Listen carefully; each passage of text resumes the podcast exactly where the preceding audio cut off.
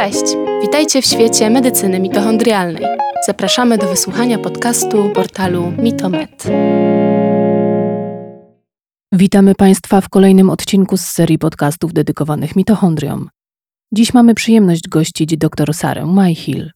Dr Mayhill jest lekarką, specjalistką medycyny naturalnej oraz członkinią Brytyjskiego Towarzystwa Medycyny Środowiskowej.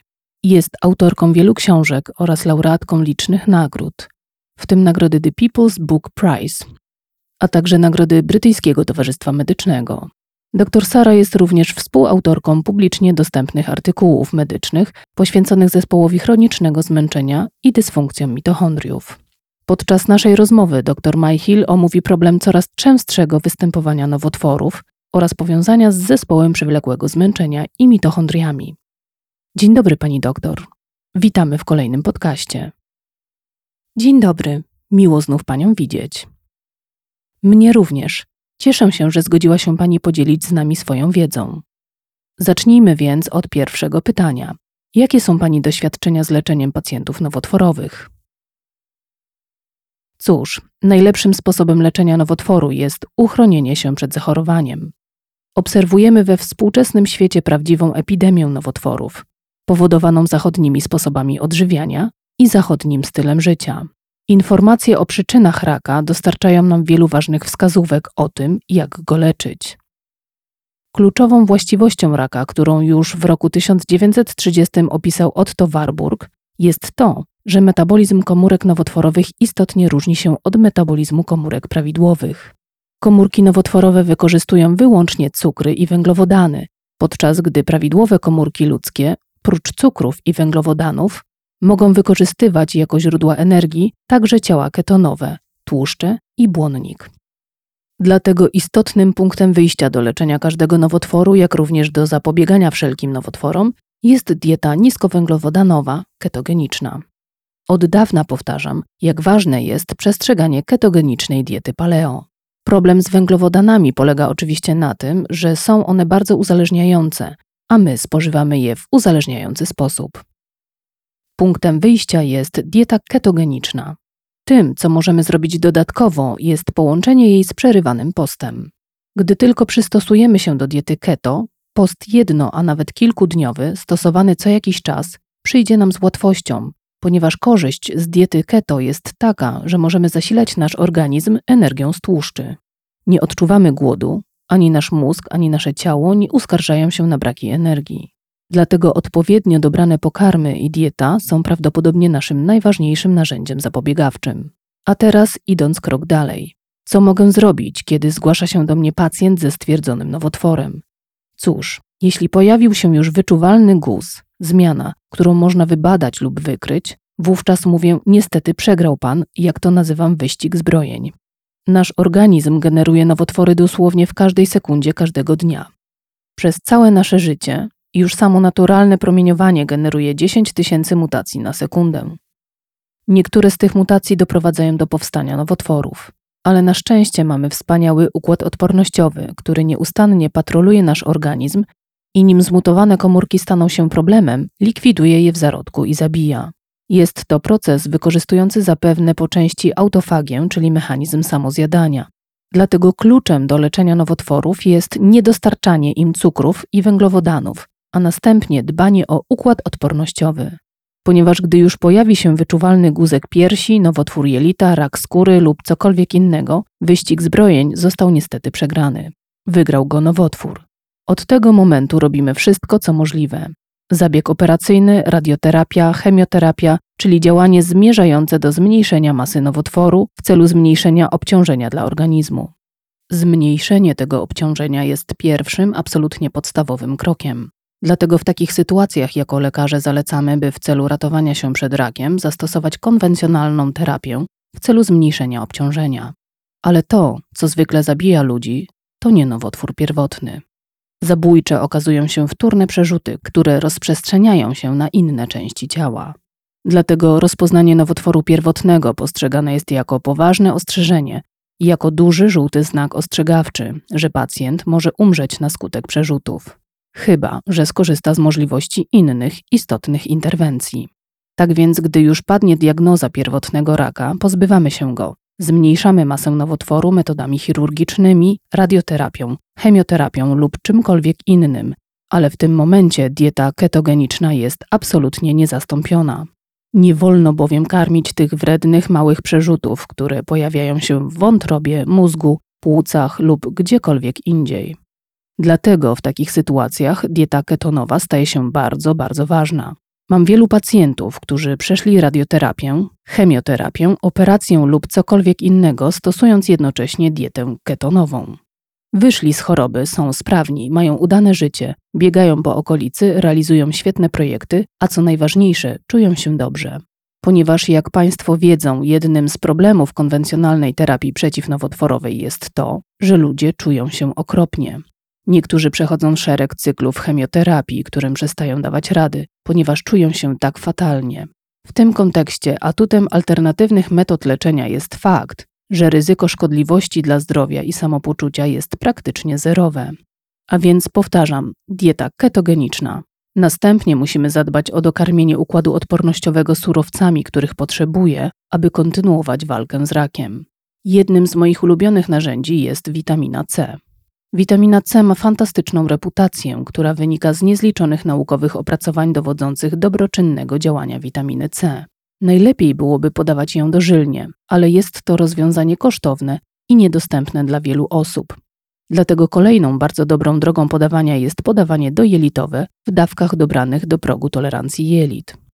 I tak, zaczynamy od dawki 1 grama lub 2 gramów dziennie, stopniowo zwiększając ją do 5, 10, 15 gramów dziennie. 5, 10, a zwłaszcza 15 tysięcy miligramów dziennie brzmi jak duża dawka, ale tak nie jest. W tym miejscu należałoby zapytać, na czym polega działanie witaminy C. Co jest takiego interesującego w witaminie C? Otóż to, że ludzie nie potrafią wytwarzać własnej witaminy C.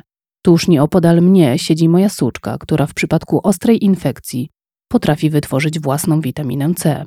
Podobnie jak krowy, owce, bydło, konie. Również wszystkie inne ssaki mogą wytwarzać własną witaminę C. Organizm człowieka tego nie potrafi, a moja mała psinka potrafi wytworzyć witaminę C z cukru, z cząsteczki glukozy, w procesie wymagającym czterech enzymów. W ten sposób kozy, krowy, konie mogą wytwarzać własną witaminę C. To mówi nam, że biochemicznie witamina C jest blisko spokrewniona z cukrem, wygląda jak cukier. Komórki rakowe są łase na cukry, gdyż cukry stanowią paliwo, którym uwielbiają się zasilać.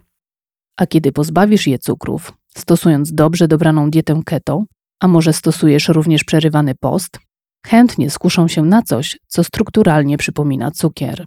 I właśnie takim związkiem jest witamina C. Więc komórki rakowe wychwytują witaminę C, a witamina C je zabija. Innym pięknym przykładem skuteczności tego podejścia jest fakt, że istnieją ośrodki, w których można się poddać chemioterapii wzmocnionej insuliną. U osób poddawanych chemioterapii, niezależnie od przyczyny, równoległe podanie insulin powoduje dramatyczny spadek poziomu cukru we krwi. Spadek poziomu cukru sprawia, że komórki nowotworowe stają się wrażliwsze na chemioterapię, dzięki czemu można znacząco zmniejszyć dawki chemii, chroniąc w ten sposób szpik kostny, jelita i mieszki włosowe. W obecnym momencie chemioterapia insulinowa nie jest popularna, nie jest powszechnie dostępna, ale podobny efekt można osiągnąć stosując post. Więc kiedy spotykam osoby, które czeka chemioterapia, zalecam, aby przed chemioterapią zaczęły z dużym wyprzedzeniem stosować post, aby wprowadzić organizm w stan ketozy. A powodem, dla którego warto to zrobić, jest fakt, że poszczenie przychodzi z większą łatwością, gdy organizm już wcześniej przystosował się do diety keto, dzięki czemu potrafi czerpać energię z własnych tłuszczy, nie narażając jednocześnie na utratę paliwa ani mózgu, ani ciała, dzięki czemu będziemy wciąż czuli się dobrze. W takich warunkach również chemioterapia działa znacznie, znacznie lepiej. Zaś następnego dnia lub jeszcze dzień później pacjent może powrócić do megadawki witaminy C, która chroni go przed nieprzyjemnymi skutkami ubocznymi chemioterapii i pomoże mu się lepiej zregenerować. Ponieważ, jak wiadomo, problem z chemioterapią polega na tym, że niszczy ona nie tylko komórki nowotworowe, ale uszkadza też szpik kostny, przewód pokarmowy, mieszki włosowe, co powoduje wypadanie włosów itd. Więc wspomniane metody pomagają chronić pozostałe części ciała przed złośliwymi skutkami chemioterapii, dlatego stanowią wspaniałe uzupełnienie. Są tanie, bezpieczne i dostępne dla każdego. Równolegle istnieje wiele rzeczy, które można zrobić, aby zmniejszyć obciążenie organizmu nowotworem. Istnieje wiele bezpiecznych i nieszkodliwych środków zaradczych. Bardzo popularny jest iskador, czyli zastrzyki z jemioły. Popularne są też grzyby lecznicze. Istnieje wiele gatunków grzybów, które są skuteczne w walce z nowotworem. Lecz niezależnie od tego, czy używamy tych rozwiązań, czy nie, potrzebujemy markerów nowotworowych. Niezależnie od tego, czy stosujemy dietę ketogeniczną, czy dietę paleo, czy jod, czy witaminę C, musimy zadać sobie pytanie: na ile dobrze nam to służy? Jak można zmierzyć postępy leczenia? Prawie wszystkie nowotwory posiadają marker nowotworowy, którym może być przykład antygen rakowo-płudowy, czyli CEA. Może to być PSA, o którym wszyscy wiemy, może to być S100, mogą to być markery kappa dla szpiczaka. Kiedy zmierzymy te markery, otrzymamy piękną informację zwrotną o tym, na ile dobrze radzimy sobie z chorobą, czy widać postęp leczenia. Wprowadzamy zatem podstawowy pakiet leczenia, z którego każdy może skorzystać i który jest dostępny dla każdego. Monitorujemy poziom markerów i obserwujemy postępy leczenia. Dopóki markery utrzymują się na tym samym poziomie, dopóki nie rosną, oznacza to, że wygrywamy tę bitwę, więc kontynuujemy to, co robimy. Kolejne innowacje terapeutyczne to na przykład terapie wysokotermiczne, jak na przykład sauna, ponieważ wysokie temperatury niszczą komórki raka. Lecz jeśli przegrywamy tę bitwę, jeśli markery pną się w górę pomimo naszych najlepszych starań, musimy znaleźć nowe rozwiązania. Nie będę udawać, że jestem ekspertką od tych wszystkich rozwiązań, ale wiele z tych działań jest dostępnych dla każdego. A zatem alternatywne terapie, preparaty ziołowe, grzyby lecznicze, środki rozgrzewające, przerywany post w celu kontrolowania raka. Oczywiście niektóre osoby mogą też potrzebować radioterapii lub dodatkowej chemioterapii lub czegokolwiek innego. Wiem, że powiedziałam już wiele, ale to zaledwie ogólny przegląd tego, co doradzałabym osobie z nowotworem. Kolejną rzeczą, której nam potrzeba, jest pozytywne nastawienie. Jeśli ktoś ma dlaczego żyć, jeśli ktoś ma górę, na którą chce się wspiąć, horyzont, który chce osiągnąć, takie osoby radzą sobie znacznie lepiej niż ci, którzy się poddają, tracą nadzieję i niemal tracą chęć do życia. Dlatego trzeba dbać o pozytywne psychiczne nastawienie, trzeba mieć w sobie tę determinację. Chciałabym w tym miejscu przytoczyć fascynującą książkę Radykalne remisje. Stanowi przegląd historii osób, u których zdiagnozowano nieuleczalnego raka, lecz które przeżyły. W książce tej opisano wszystkie środki i działania podjęte przez chorych na raka, aby dać nam do ręki coś w rodzaju przewodnika. Lecz czynnikami kluczowymi dla przetrwania są nastawienie psychiczne, determinacja, aby odnieść sukces, posiadanie kogoś, kogo możemy kochać i poczucie bycia kochanym. Tak, to bardzo interesujące podejście. Bardzo podoba nam się to holistyczne ujęcie, szczególnie w medycynie mitochondrialnej. I stąd moje następne pytanie: co tak naprawdę dzieje się z mitochondriami u osób z nowotworem? Jak zmienia się gospodarowanie energią? Świetne pytanie, absolutnie na miejscu, ponieważ jak już wspomniałam, interesującą właściwością komórek rakowych jest fakt, że żywią się wyłącznie glukozą, pozyskując energię w procesie fermentacji i wyłączając przy tym własne mitochondria. Na tym polega różnica między komórkami nowotworowymi a komórkami prawidłowymi. Komórki nowotworowe nie potrzebują mitochondriów i wyłączają je, podczas gdy normalne komórki korzystają z mitochondriów. Komórki nowotworowe są inteligentne, chcą przetrwać, a mechanizmy, dzięki którym wyłączają mitochondria, nie są dobrze poznane. Ale fakt ten stanowi fundamentalną różnicę. Jest to istotne, ponieważ jeżeli możemy dostarczyć paliwo prawidłowym mitochondriom w naszych prawidłowych komórkach odpornościowych, wówczas te komórki odpornościowe będą miały energię do walki z komórkami nowotworowymi. Więc jest to fascynująca różnica odkryta przez Otto Warburga w latach 30. Różnica między normalnymi komórkami a komórkami nowotworowymi. Komórki nowotworowe nie uzyskują energii z mitochondriów. Świetnie, dziękuję za odpowiedź. Czy możemy powrócić raz jeszcze do naszego pierwszego podcastu poświęconego zespołowi przewlekłego zmęczenia? Zastanawiam się nad związkiem między zespołem przewlekłego zmęczenia a rakiem. Czy CFS jest rodzajem objawu? Czy może prowadzić do rozwoju nowotworu? Czy zachodzi tu jakiś związek?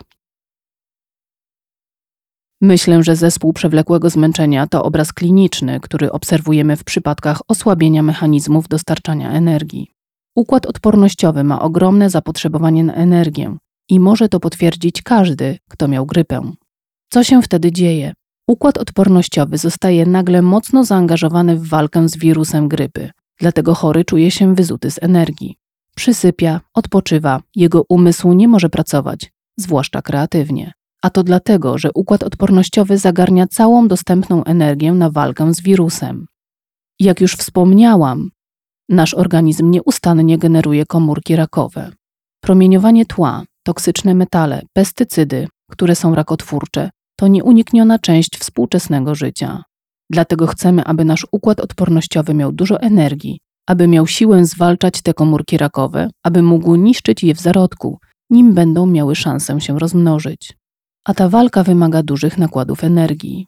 Dlatego uważam, że chroniczne zmęczenie jest czynnikiem ryzyka zachorowania na nowotwór. Po prostu dlatego, że organizmowi brakuje energii na ten podstawowy i fundamentalny nadzór immunologiczny. Tak więc dbałość o mitochondria, zapewnienie sprawnych mechanizmów dostarczania energii jest sekretem długiego, wartościowego życia. Bez energii nie da się żyć. Sama kocham życie, uwielbiam załatwiać różne sprawy, a bez energii nie mogę tego robić. To też sama stosuję wszystkie reżimy postępowania, które zalecam moim pacjentom z zespołem przewlekłego zmęczenia, ponieważ mitochondria, jak wiemy, determinują proces starzenia. Jeśli zadbamy o dobrą jakość naszych mitochondriów, będą nas chronić przed rakiem, chorobami serca, chorobą Parkinsona, chorobami zwyrodnieniowymi, ponieważ nasz układ odpornościowy odpowiada za leczenie i naprawę, a my potrzebujemy mitochondriów do zaopatrywania naszego układu odpornościowego w energię, abyśmy mogli nasz organizm leczyć i naprawiać. Ponieważ wszystkie życiowe działania, rozmawianie, Praca w ogrodzie, wychodzenie do miasta, spacerowanie, cokolwiek robimy, wyrządza nam szkody, które następnie nasz organizm leczy i naprawia podczas snu. I potrzebuje do tego wymagającego procesu naszych mitochondriów. Tak więc, jeżeli Państwa mitochondria są w świetnej kondycji, dożyją Państwo sędziwego wieku i uchroni to Państwa przed wszystkimi tymi paskudnymi chorobami. Bardzo przydatną wskazówką kliniczną dla wszystkich słuchających tego podcastu jest fakt, że mitochondria dziedziczą się w linii żeńskiej. Jeśli więc chciałaby Pani wiedzieć, jakiego wieku Pani dożyje, proszę sprawdzić, jakiego wieku dożyła Pani matka, ilu lat dożyła jej matka, ile lat dożyła matka jej matki itd. Tak Długość życia pochodzi z linii żeńskiej, więc jeśli ma Pani dobrą historię długowieczności po matce, to jest to dobra wróżba. Niezależnie od tego powinni Państwo nadal dbać o swoje mitochondria, nie uszkadzać ich cukrami i węglowodanami, nie szkodzić im paleniem, pestycydami i chemikaliami oraz wszystkimi toksynami, o których wiemy, że są szkodliwe dla mitochondriów. I jeszcze jedna wskazówka kliniczna, która może okazać się pomocna. Jak się Państwu wydaje, dlaczego cukier szkodzi mitochondriom? Przyczyną jest fakt, że w procesie spalania cukru w celu wytworzenia energii uwalnia się wiele wolnych rodników. Jeżeli spalasz energię uzyskaną z ketonów, jest to proces nieszkodliwy, w toku którego powstaje bardzo mało wolnych rodników. Wolne rodniki to cząsteczki posiadające niesparowany elektron, a niesparowany elektron jest bardzo niestabilny. Wolne rodniki bardzo łatwo wchodzą w kontakt z innymi substancjami, po czym je uszkadzają. To kolejne powody, dla których warto stosować dietę ketogeniczną.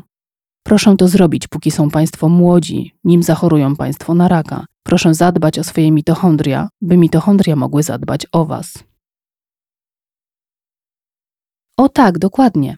Dziękuję, że przytoczyła Pani tak wiele różnych możliwości. Czy mogę prosić o podsumowanie dla naszych słuchaczy? Co powinni zrobić w pierwszej kolejności? Jak mogą skompletować wszystkie zasady leczenia raka? Cóż, mówiąc o leczeniu dowolnej choroby, chętnie sięgam po analogię do budowy domu. Kiedy budujesz dom, zaczynasz od kamieni węgielnych, a kamieniem węgielnym jest dla nas dieta paleoketogeniczna. I nie jest dobrze przerwać stawianie fundamentów, aby przerzucić się na coś innego. Jeśli zapomnę o diecie, bo mam do dyspozycji dużo witaminy C, jeśli przyjmuję wiele suplementów, które w moim mniemaniu załatwiają sprawę, to usunięcie kamieni węgielnych sprawi, że cały dom się zawali. Dlatego należy pamiętać, by fundament był zawsze na miejscu. I tym fundamentem jest dieta paleoketogeniczna. I trzeba o to dbać przez całe życie. I trzeba zadbać, by państwa rodziny robiły to przez całe życie, by państwa przyjaciele robili to przez całe życie, Dieta paleoketogeniczna jest zawsze punktem wyjścia. Bez znaczenia, czy doradzam komuś, kto cierpi na zespół przewlekłego zmęczenia. To nie moje słowa, ale słowa konsultanta neurologa Dale'a Bradisona z Kalifornii. Można odwrócić demencję, można odwrócić zapalenie stawów, można odwrócić cały szereg stanów zapalnych jedynie poprzez stosowanie diety ketogenicznej. Aha, jeszcze dwie rzeczy, o których powinnam była wspomnieć, ale zapomniałam. Chcąc uniknąć raka, chcąc sobie zaoszczędzić leczenia się na raka, powinniśmy unikać wszelkich stymulatorów wzrostu. Glukoza i węglowodany są oczywiście stymulatorami wzrostu. Inną grupą produktów stymulujących rozrost komórek są produkty mleczne. Produkty mleczne mogą wspaniale smakować, mogą być pożywne, ale matka natura przewidziała mleko dla młodych ssaków, takich jak kocięta, szczeniaki, cielaczki, źrebaki. To też wszystkie produkty mleczne zawierają promotory wzrostu. Mleko matek zawiera promotory wzrostu, ponieważ natura chce, aby młode ssaki rosły bardzo szybko, ponieważ jeśli nie urosną odpowiednio szybko, zostaną zjedzone przez drapieżniki. Dlatego zawsze zdumiewają mnie filmy kręcone w Afryce, pokazujące antylopę rodzącą swe młode, które już w kilka minut czy godzin po porodzie staje na czterech nogach i zaczyna biegać. To nadzwyczajne, jak one to robią, ale chodzi o to, że jeśli młode ssaki nie dorosną odpowiednio szybko, padną ofiarą drapieżników. Taki jest sens obecności w mleku czynników stymulujących wzrost, a stymulacja podziałów komórkowych może mieć oczywiście wpływ na rozwój raka. Piękną ilustracją tej hipotezy jest historia profesor Jane Plant, która była profesorem geochemii. Kiedy zdiagnozowano u niej raka piersi, przeszła radioterapię, operację, chemioterapię, co jednak nie uwolniło jej od guzka w piersi. Jej rokowania wynosiły dwa miesiące. Historię o tym, jak zaczęła przejmować kontrolę nad swoją chorobą, opisała w książce Your Life in Your Hands. Zauważyła bowiem, że Chinki nie chorują na raka piersi. W Chinach nie ma tradycji spożywania produktów mlecznych. Kuchnia chińska nie zawiera nabiału, dlatego Jane Plant przeszła na dietę beznabiałową. Po jakimś czasie zaobserwowała, że rak kurczy się i znika. Przeżyła szereg kolejnych lat, a następnie napisała podobną książkę o raku prostaty, ponownie wykazując wyraźne powiązanie ze spożywaniem produktów mlecznych, takich jak mleko, mleko odtłuszczone, ser, jogurt. Wszystkie te rzeczy, które mogą być pyszne w smaku, niestety jednak zawierają stymulatory wzrostu. Jedynym bezpiecznym produktem mlecznym jest masło, ponieważ masło i jego pochodne to niemal czysty tłuszcz, a tłuszcz to ketony. Tłuszcz jest w naszej diecie pożądanym paliwem dla organizmu, dlatego masło dostaje łapkę w górę, ale wszystkie pozostałe produkty mleczne należy mocno ograniczyć.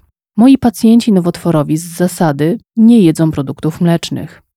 Innym potężnym stymulatorem wzrostu, którego powinniśmy unikać, są żeńskie hormony płciowe. Powszechnie wiadomo, że pigułki i hormonalna terapia zastępcza, które często proponuje się kobietom, są poważnymi czynnikami ryzyka nowotworu. Dlaczego? Ponieważ stymulują podziały komórkowe przekładające się na wzrost. Skąd o tym wiemy? Proszę popatrzeć, co dzieje się z młodymi dziewczętami, gdy przechodzą okres dojrzewania. Następuje wyrzut żeńskich hormonów płciowych, estrogenów i progesteronu, a te powodują wzrost piersi, rozwój macicy i jajników, aby młode kobiety stały się zdolne do rodzenia dzieci. Ale trzeba pamiętać, że to bardzo niebezpieczna gra. Powie o tym pani każdy lekarz. Jeżeli zachoruje pani na raka w czasie ciąży, gdy poziom hormonów płciowych jest bardzo wysoki, rak może się rozwinąć na niekontrolowaną skalę. W pierwszej dekadzie po roku 2000 przeprowadzono badanie pod nazwą Milion kobiet stosujących HTZ. Badaniem tym objęto milion kobiet, które przyjmowały hormonalną terapię zastępczą, po czym obserwowano, co się stanie. Po upływie 18 miesięcy badanie musiało zostać przerwane z powodu wysokiej liczby nowotworów w grupie przyjmującej hormony. Tak więc przyjmowanie pigułek może mieć niebezpieczne konsekwencje. I to bez względu na postać, w jakiej żeńskie hormony będą przyjmowane. Czy to mini pigułka, czy pigułka standardowa, czy to plaster, czy zastrzyk, postać nie ma znaczenia. Wszystkie one stymulują wzrost i wszystkie napędzają rozwój raka. Dlatego apeluję o unikanie hormonów. Myślę, że omówiłam wszystkie najważniejsze rzeczy.